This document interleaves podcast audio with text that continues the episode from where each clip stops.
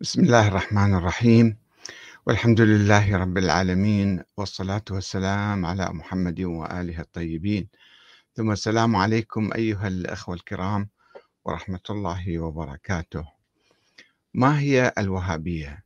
من هم الوهابيون؟ لماذا يعادون الديمقراطية ويؤيدون الاستبداد؟ الوهابيون هم كل من ينتسب إلى مدرسة الشيخ محمد بن عبد الوهاب الذي قاد في أواسط القرن الثاني عشر الهجري في نجد حركة إصلاحية ضد الاستغاثة بالأولياء والصالحين الأحياء والأموات وزيارة قبورهم وطلب الشفاعة منهم. معتبرا تلك الممارسات شركا أعظم بالله تعالى وكفرا مخرجا عن الملة. ثم تحالف مع أحد أمراء نجد وهو محمد بن سعود وأسس معه ما عرف بالدولة السعودية الأولى سنة 1157 هجرية حوالي 1744 ميلادية. وفي حين كان أتباع هذه المدرسة السابقون يطلقون على أنفسهم اسم الموحدون. أو المسلمون في مقابل المشركين بقية الناس اللي هم غير الوهابيين. فإن خصومهم كانوا يطلقون عليهم اسم الخوارج. أما أتباع هذه المدرسة المعاصرون فيفضلون استخدام اسم السلفية والسلفيون. وقد شاع أيضا استخدام اسم الوهابيون من الطرفين من المؤيدين والمعارضين كاسم علم عليهم من باب أنهم يشكلون تيارا فكريا مميزا له تاريخه وخصائصه ومصنفاته وشيوخه وهو يختلف عن التيار العام للسلفية في كثير من الأمور.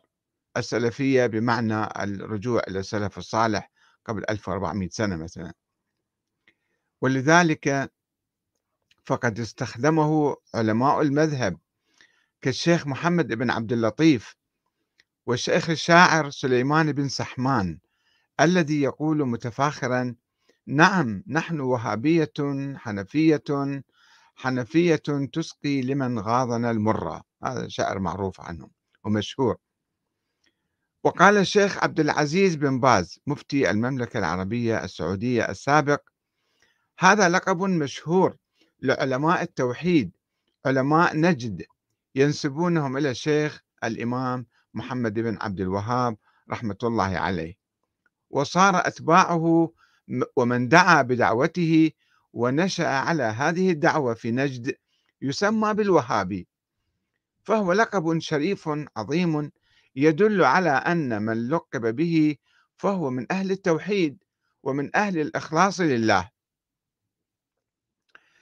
ورغم التزام الدولة السعودية بالفكر الوهابي وتدريسه في المدارس والجامعات طبعا بدون اسم الوهابية آه، إلا أنها تحاول منذ فترة طويلة التخلي عن اسم الوهابية الذي يقف عائقا أمام طموحها لقيادة العالم الإسلامي السني حيث تصر على أنها تنتمي للتراث الإسلامي السني العام.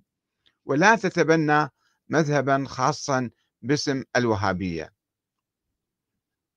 وفي هذا المجال صرح الملك عبد العزيز بن سعود في 11 5 1929 قائلا في بداية تأسيس الدولة السعودية الحديثة يعني يقول يسموننا بالوهابيين ويسمون مذهبنا الوهابي باعتبار أنه مذهب خاص وهذا خطأ فاحش نشأ عن الدعايات الكاذبة التي كان يبثها أهل الأغراض.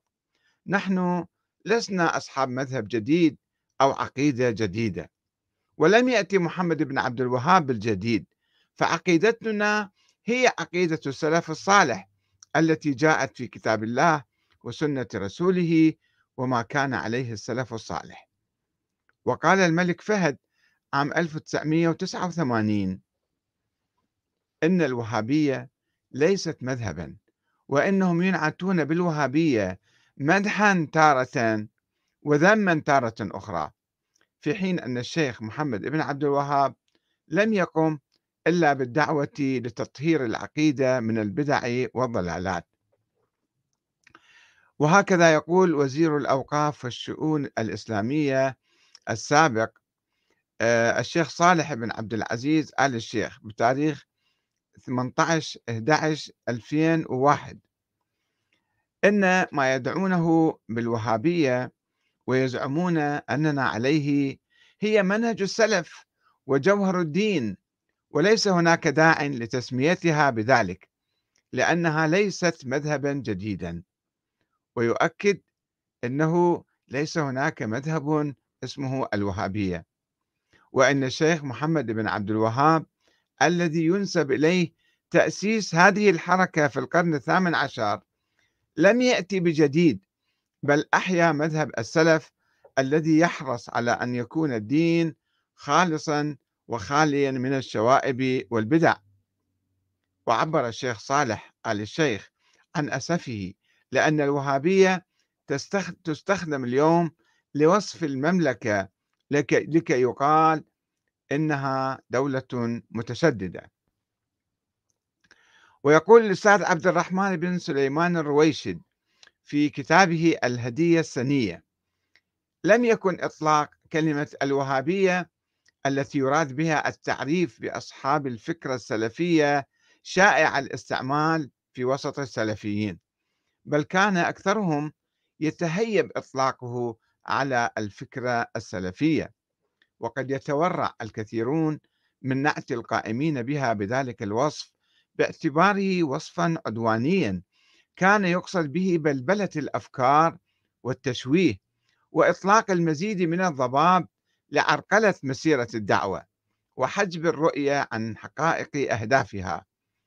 وبمرور الزمن تحول هذا اللقب بصورة تدريجية إلى مجرد لقب لا يحمل أي طابع للإحساس باستقرار المشاعر أو أي معنى من معاني الإساءة.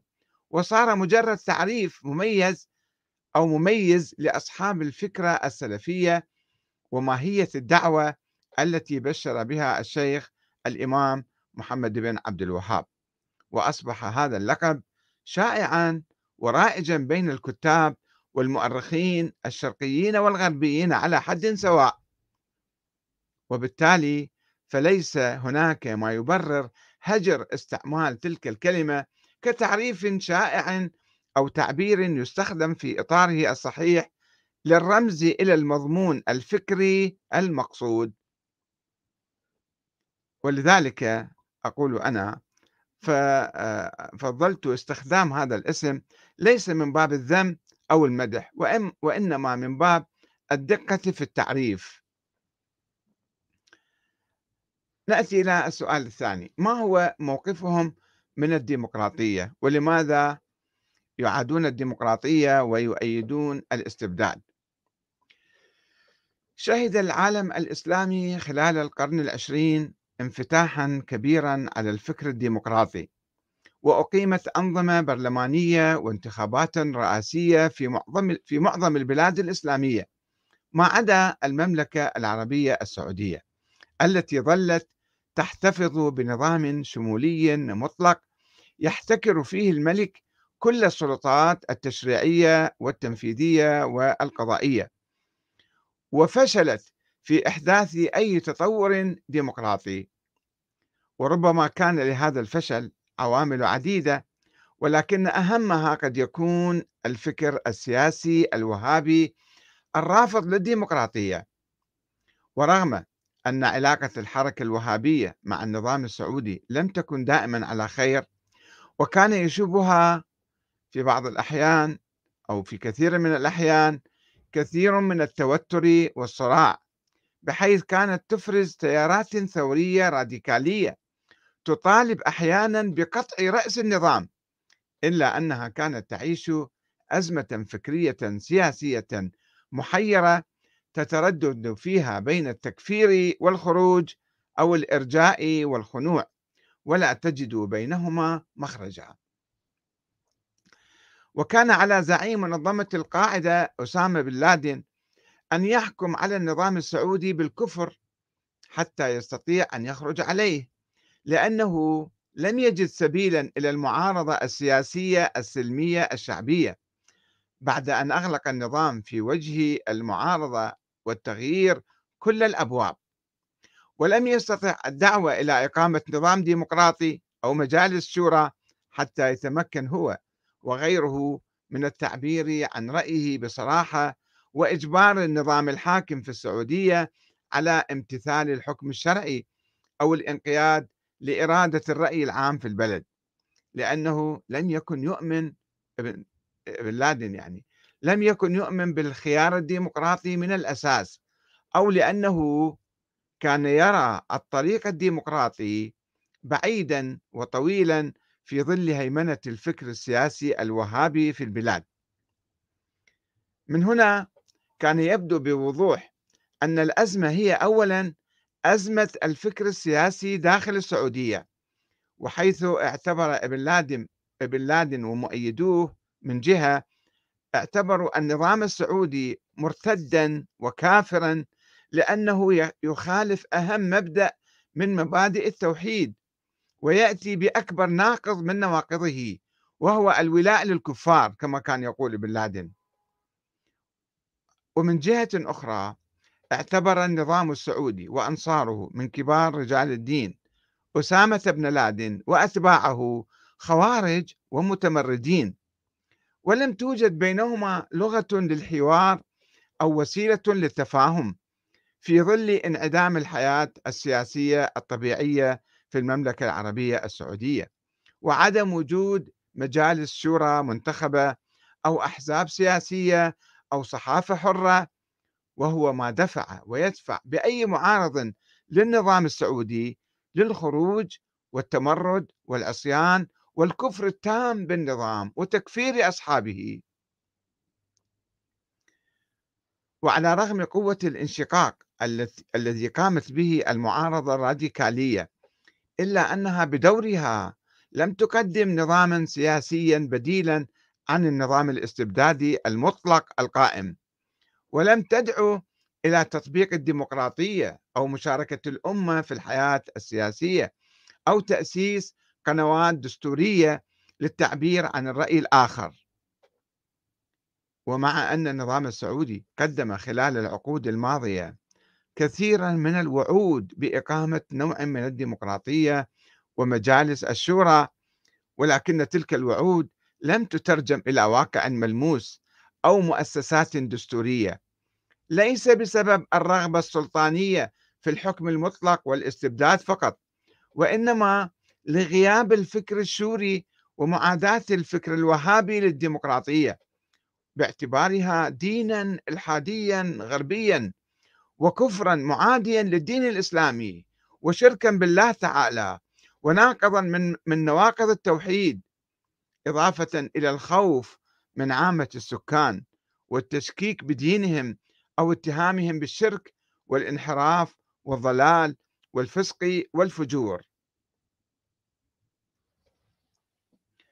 وسعيا من أجل حل هذه الأزمة وجدت من الضروري دراسة وتحليل الفكر السياسي الوهابي.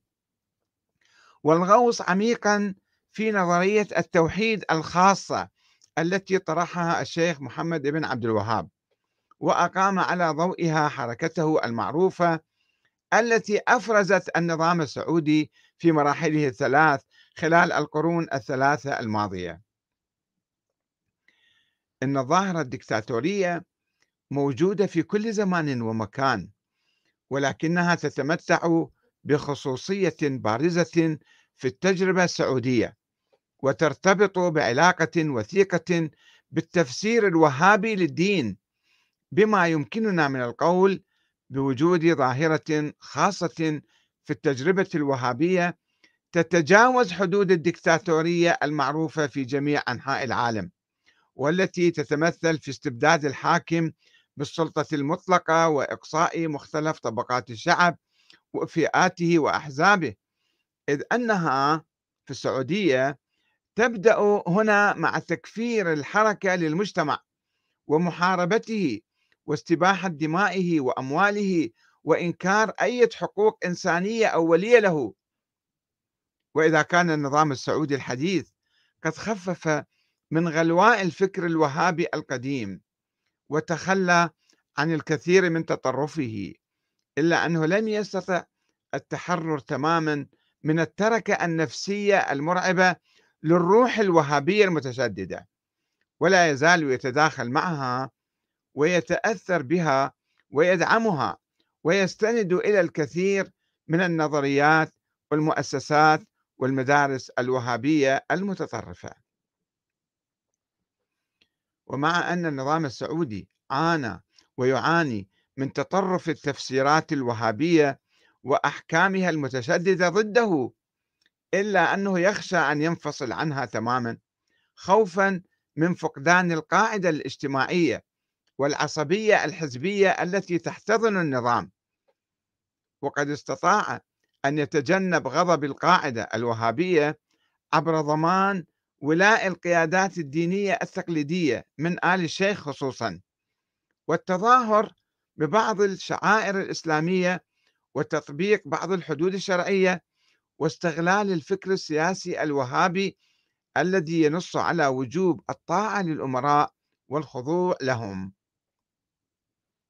وفي الوقت الذي كان النظام السعودي يستفيد من الفكر الوهابي في تدجين المعارضة الوهابية كان يستخدم الحركة الوهابية كبعبع في مواجهة الحركات الشعبية المطالبة بالديمقراطية وذلك بالإيحاء إليها بإمكانية سيطرة الحركة الوهابية على المجتمع وإمكانية فوزها في أي عملية انتخابية ديمقراطية وإطلاق يدها في التعامل بشدة مع التيارات المختلفة العلمانية والطائفية والحزبية التي تعتبرها الوهابية كافرة ومرتدة. وحث المعارضة الديمقراطية على القبول بالنظام السعودي واستبداده خوفا مما هو أعظم. ومن هنا لابد أن نقوم بدراسة الحركة الوهابية ابتداء من نظرية التوحيد التي قدمها الشيخ محمد بن عبد الوهاب وبنى على أساسها النظام السعودي الذي منحه الشرعية والقوة والاستمرارية. وأثر تلك النظرية في تفجير الصراع الدموي العنيف داخل منطقة نجد والجزيرة العربية وقيام الدولة السعودية الأولى وانهيارها ثم قيام الدولة السعودية الثانية في القرن التاسع عشر وتشكيلها لأرضية المقاومة في وجه الهيمنة المصرية العثمانية.